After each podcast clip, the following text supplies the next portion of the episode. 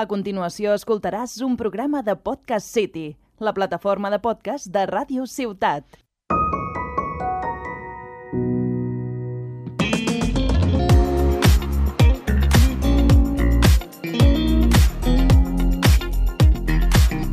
Benvinguts i benvingudes al nou episodi de Viatges Sonors, el podcast de Radio Ciutat de Tarragona on utilitzem els gèneres musicals com a excusa per escoltar música de tot tipus, que ens sona diferent i que ens sembla interessant analitzar.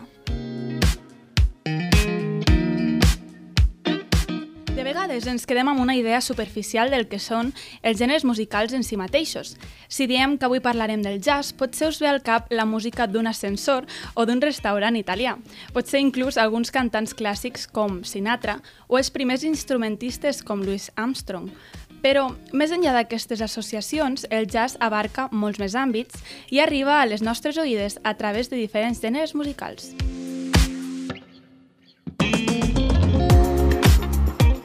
Avui parlarem de la influència que té el jazz a la música popular moderna. Molts gèneres musicals s'han basat o inspirat en característiques d'aquest so que va néixer de mans dels esclaus africans a Amèrica. En aquest capítol veurem quins factors del jazz han influït més a la música popular i escoltarem artistes de música comercial que han utilitzat les bases d'aquest gènere per crear les seves pròpies cançons.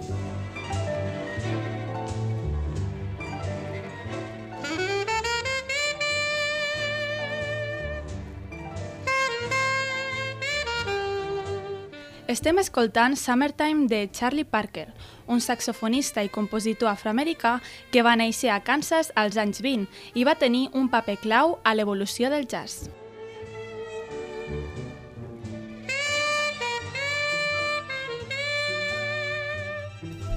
Mentrestant, comentem on va sorgir aquest gènere musical. El jazz va néixer en un context d'opressió i del treball forçat que va viure moltes persones africanes als Estats Units entre els segles XVII i XIX. Es podria dir que el jazz va sorgir de l'esclavitud que principalment s'exercia als camps de Conreu i és a la ciutat de Nova Orleans, a Louisiana, on es situa el naixement d'aquest estil. Era aquest un dels punts on s'arribaven grans mm, grups d'esclaus provinents d'Àfrica, principalment del sud del Sàhara i més concretament de la zona de la costa de Marfil. A continuació escoltem So What del trompetista i compositor afroamericà Miles Davis.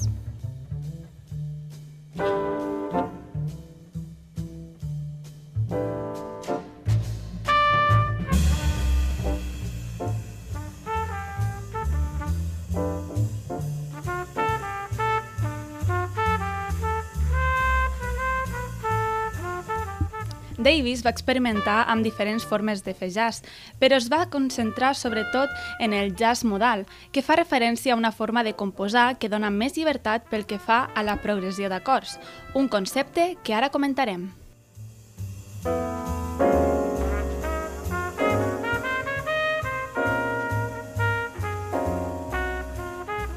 Continuarem amb les característiques que fan del jazz un estil únic. Comencem per l'harmonia.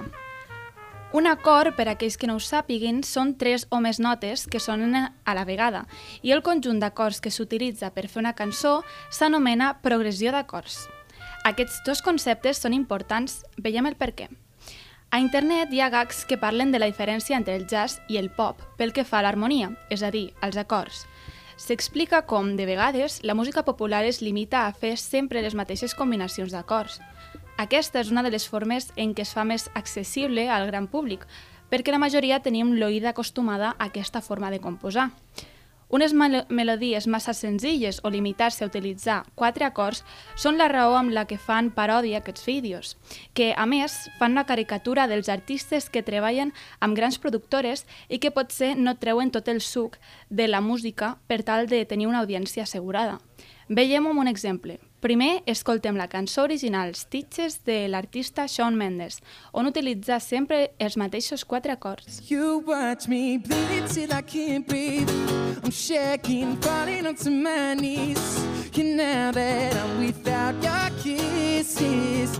I'll be needing stitches. I'm tripping over myself i ara escoltem la proposta que ens fa l'artista Lucas Bar al vídeo en anglès quan un noi de jazz coneix a una estrella del pop, que us recomanem veure. Ell versiona la cançó Stitches al jazz, utilitzant 31 acords en lloc dels 4 originals. Watch me bleed until I can't breathe. I'm shaking, falling onto my knees. And now that I'm without your kisses,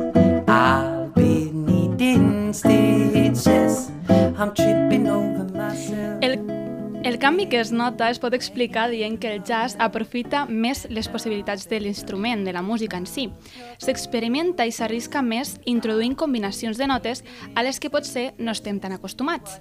Això pot fer que els artistes que s'hi dediquen més plenament els hi costi més arribar a ser reconeguts. Però no vol dir que totes les cançons pop es limitin a quatre acords. Com veurem, el jazz ha influenciat a molts gèneres musicals i ha fet que aquesta varietat musical hagi arribat a popularitzar-se amb artistes com Charlie Puth o Michael Bublé. Moltes de les progressions d'acords habituals del jazz es poden trobar en diversos estils de música, com ja comentàvem. Per exemple, hi ha una progressió molt famosa, que és la del 2-5-1, que és molt comú al jazz, però que també la podem trobar en molts altres estils. Ara veurem una comparació entre dues cançons amb aquesta progressió d'acords, la primera de jazz i la segona de pop. Escoltem primer un tros de Giant Steps de John Coltrane.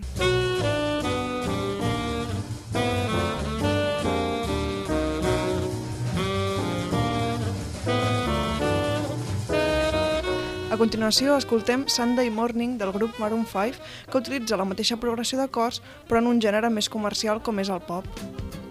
Sunday morning rain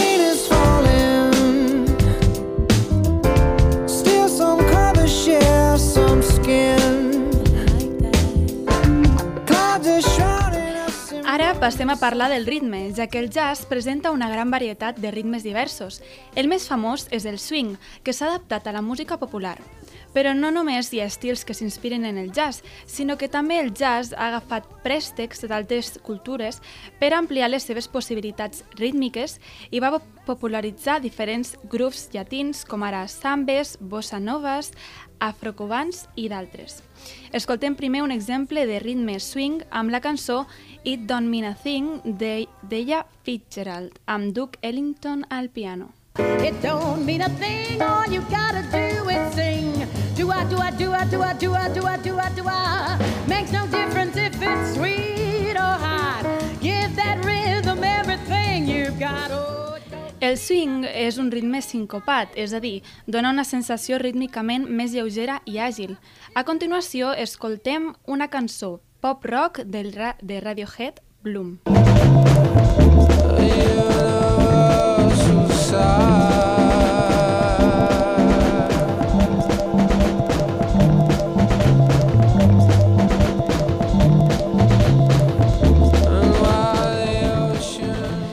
Escoltant aquest tema es sent i es nota un ritme diferent al que solen ser les cançons de pop o de rock. És un ritme més complex i enredat, que no encaixa amb els ritmes de la música més comercial. Després d'haver vist algunes de les característiques del jazz a la música comercial, parlarem d'alguns dels estils que s'han vist clarament influenciats per aquest gènere. En primer lloc, parlarem del rock, ja que la música rock ha utilitzat aspe- aspectes de la música jazz, sobretot el concepte de la improvisació musical. Durant els anys 60 i 70, grups de rock i músics reconeguts com Pink Floyd, Jimi Hendrix o Led Zeppelin van començar a utilitzar la improvisació en les seves actuacions. It's the starting again.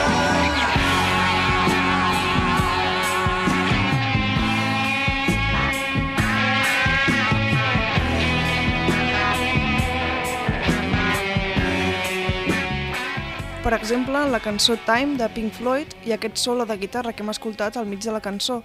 A més, en aquesta cançó també es nota la influència del jazz en la seva harmonia, ja que utilitza acords típics amb extensions com serien la novena o la onzena, que són notes que aporten colors addicionals i que s'utilitzen molt en la música jazz. El hip-hop és un dels gèneres musicals més populars actualment i probablement el més similar al jazz. Hi ha moltes variacions d'aquest estil musical i els elements extrets del jazz van des del ritme fins a l'acompanyament acompanyament i fins i tot cançons senceres. Escoltem Stay del raper Mac Miller.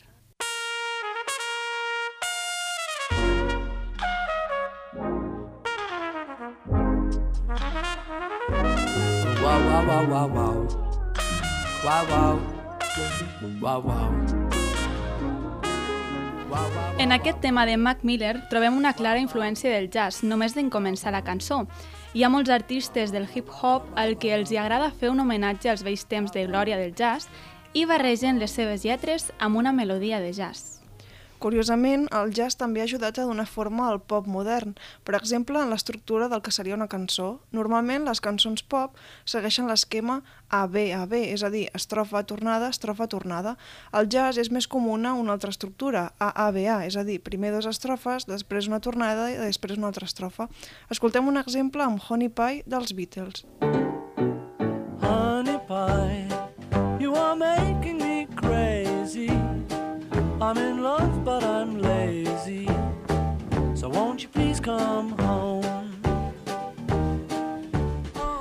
En aquest tema es pot notar una certa influència del jazz per la seva estructura, com ja hem comentat. Després d'una breu introducció, la cançó segueix la forma AABA, estructura que, com comentàvem, no es veu amb tanta freqüència a la música pop. Moltes de les cançons de Paul McCartney rebutgen els formats tradicionals de les cançons pop i segueixen l'estructura de les cançons jazz.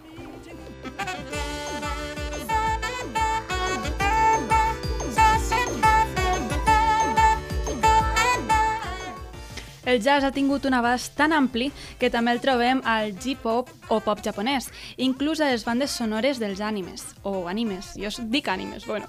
El representant de la banda de música japonesa G-Music Ensemble, Patrick Bartley, intèrpret de la sessió que escoltem del productor japonès Sasakure Pi, ens explica com els músics i compositors que fan la música per videojocs, anime i pop japonès estan influenciats per músics de jazz americà. I posa, per exemple, Yuji Ono, que va composar la música de la sèrie manga Lupin III o Lupin the Third als anys 70. Escoltem Red Roses for the Killer, un dels temes de la sèrie. Mm-hmm.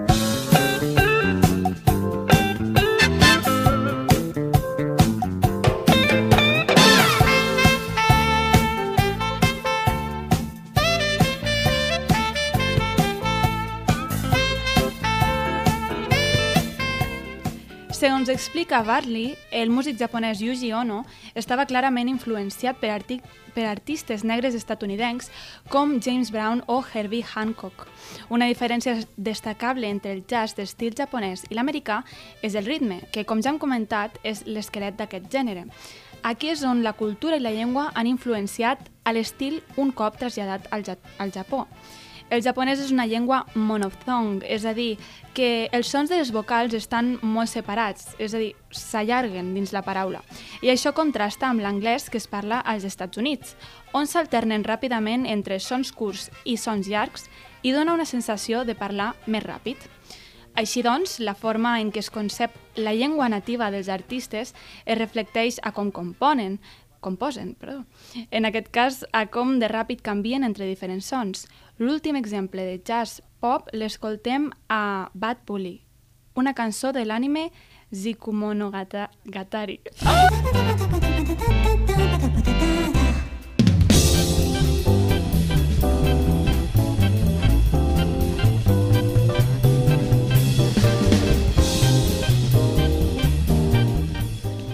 Per acabar aquest capítol, ens agradaria ensenyar com alguns artistes amb arrels jazz han triomfat a la indústria de la música més popular. Molts intèrprets del món pop van començar per primera vegada al jazz i per crear la seva música sovint es basen en acords, melodies, solos i ritmes que tenen un rerefons de jazz. Per exemple, és el cas de Charlie Puth.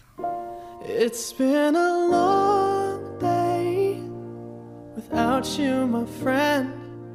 And I'll tell you all about it when I see you again.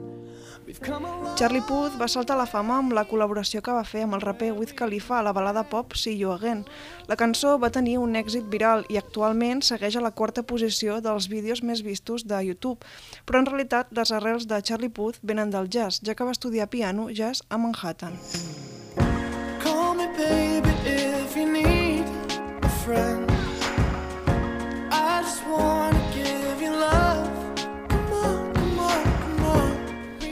Tot i que els seus primers hits eren cançons molt mainstream, que podríem dir, com per exemple Marvin Gaye o la que escoltàvem ara, One Call Away, el seu últim disc, titulat Voice Notes, de l'any 2018, va fer un canvi força dràstic en l'estil de la seva música. Malgrat les advertències de que no seria viable comercialment, va recórrer en nombroses ocasions al jazz. Però Puth ho va fer de manera subtil, per exemple, utilitzant progressions d'acords amagats sota la textura pop que tenien algunes de les cançons. En una conferència de premsa abans de treure el disc va dir «Tot l'àlbum és jazz disfressat de música pop». L'exemple més clar el trobem a la cançó número 8 del disc, que es titula Boy. Escoltem el tros en concret.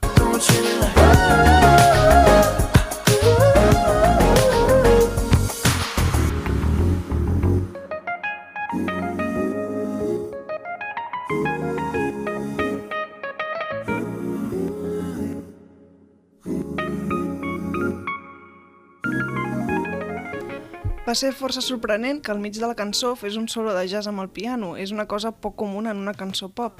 Per posar un altre exemple, Puth va gravar una versió jazz de la cançó Don't For Me i la va penjar al seu canal de YouTube. For you, baby, and only you, baby, the things I do, baby. But tell me what you've done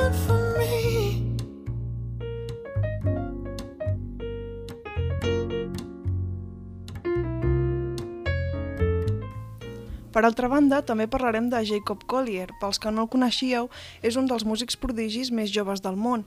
Les seves cançons veuen de múltiples influències que van des del jazz fins a una varietat de gèneres musicals de tot el món.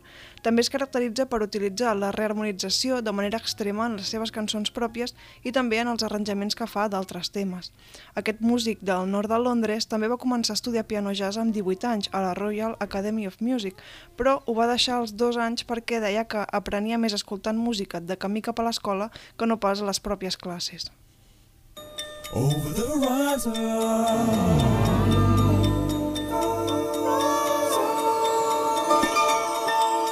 Over the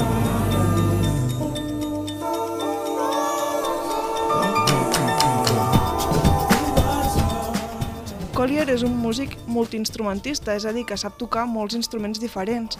Va aprendre a tocar el contrabaix, la bateria, la guitarra i molts més altres de manera autodidacta. Aquest tema que escoltem és la cançó de la marca Samsung Over the Horizon. Per cada generació de dispositius Samsung Galaxy renoven el politó de sis notes. Jo no ho sabia, no sé si tu ho sabies, Ainhoa. Ni idea. Total, que el Jacob el 2017 li van proposar que fes la seva versió del tema i ell la va fer amb 16 instruments diferents. I és un exemple de com ell sol es munta la seva pròpia orquestra, si ho podríem dir així, ja que toca cadascun dels 16 instruments. Però, com molts artistes, la seva carrera va començar a YouTube, on feia vídeos versionant temes de Stevie Wonder o Michael Jackson. El seu primer vídeo, publicat al desembre de l'any 2011, va tenir més de 9 milions de reproduccions. world I knock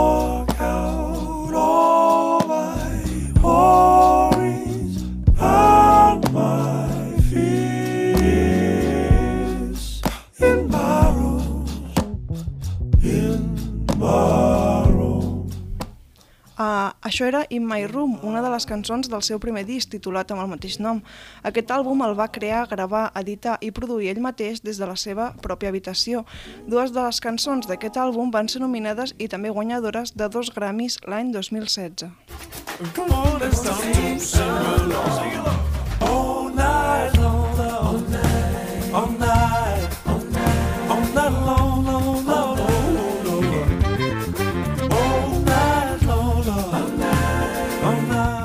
Després d'augmentar la seva fama, va posar en marxa un projecte molt ambiciós l'any 2018, treure una tetralogia de quatre discs amb el nom de Jesse.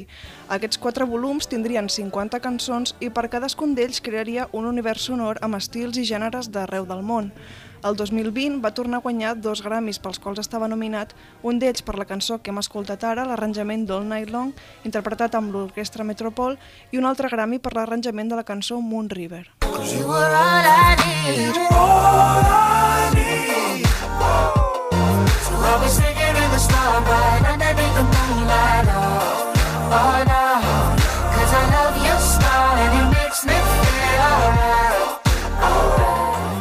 Actualment, amb tan sols 26 anys, és una de les poques persones en no haver perdut cap Grammy a la categoria en la que ha estat nominat.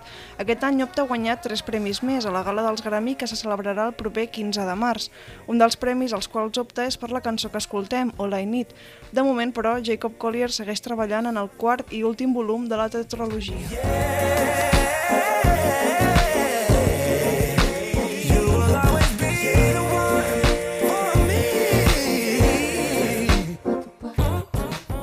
I fins aquí el capítol sobre les influències del jazz a la música més comercial al nostre podcast Viatges Sonors. Esperem que us hagi agradat el programa d'avui i us esperem al proper episodi especial, on parlarem de com ha anat la 63a edició dels Premis Grammy. I a veure si Jacob Collier també torna a guanyar. Ojalà. Crac.